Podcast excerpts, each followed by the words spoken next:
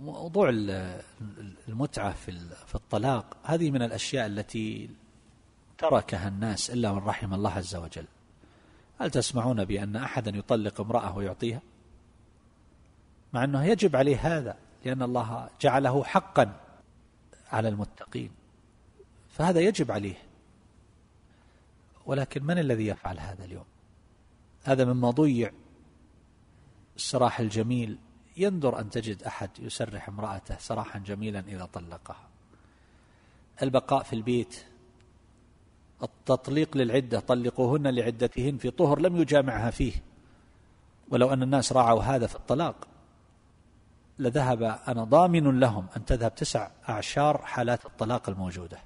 اللي الآن يقولون أنها تصل إلى أربعين بالمئة عندنا في المجتمع. تنخفض إلى تسعة أعشار. تدرون لماذا؟ هو حينما يطلق طلقوهن لعدتهن. إذا غضب أكثر الطلاق في خصومة في غضب ولا لا؟ فإذا غضب يقال له ما تطلق إلا في طهر لم تجامع فيه. وهذا نادر لأن الرجل بمجرد ما تطهر من الحيض فهو ينتظر اللحظة التي تطهر فيها فغالبا يكون جامعها فيه أو تكون حائض. فنقول له ما يجوز انتظر حتى تطهر. كان الطاهر ثلاثة أسابيع. نقول انتظر حتى تحيض. ثم تطهر فأين الغضب؟ يذهب.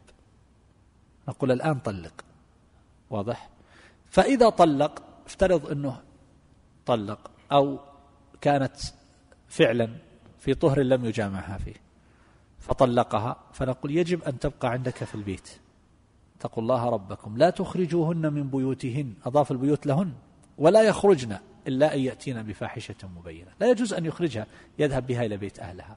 ولا يجوز لها أن تذهب هي من عند نفسها. فتبقى عنده في البيت. وتتزين له. تصور. الرجل لا يصبر عن امرأته هذه المدة. طلق في طهر لم يجامع فيه. فصبرناه حينما كان غاضبا. ثم طلق. فنقول له انتظر هذا الطهر اللي طلقتها فيه. ثم تحيض. ثم تطهر ثم تحيض ثم تطهر. فيجلس هذه المدة اللي هي قريب من ثلاث أشهر الرجل المتزوج لا يستطيع لا يستطيع أن يجلس هذه المدة وهي عنده في البيت لا يستطيع إلا حالات نادرة أن يكون لديه قناعة كاملة أن هذه المرأة لا تصلح. واضح؟ أما إذا كانت غضبة أو سوء تفاهم على قضية أو نحو ذلك نزاع أو لا يستطيع الرجل يصبر أسبوع.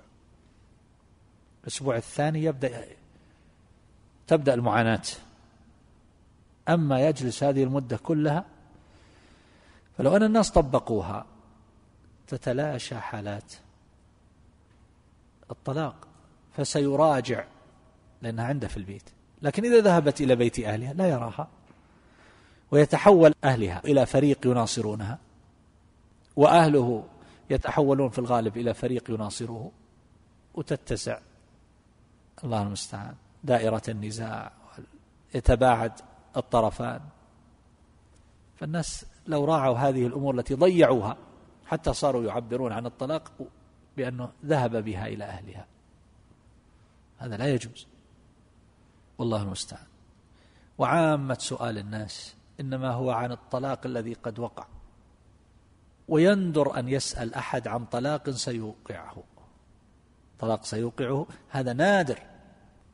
يقول كيف أطلق؟ ما هو المشروع في الطلاق؟ أنا لا أذكر أن أحدا على كثرة ما سمعت من مسائل الطلاق وما أجيبهم فيها في المسائل الواقعة. لا يكاد يمر يوم لا تمر مسائل. ما أذكر أن أحدا سأل عن الطلاق الشرعي إلا شخص واحد قبل نحو 15 سنة. قال أنا أريد أن أطلق. فما هو المشروع في الطلاق؟ واحد. وباليوم عدد يسألون عن هذا. أقصد يسألون عن طلاق وقع. طلاق وتحريم وظهار أحيانا يجمع الثلاث. تسأله تقول ماذا تقصد بكذا؟ هو لا يعرف ماذا يقصد. طالق وحرام ومثل أمة. صلى الله العافية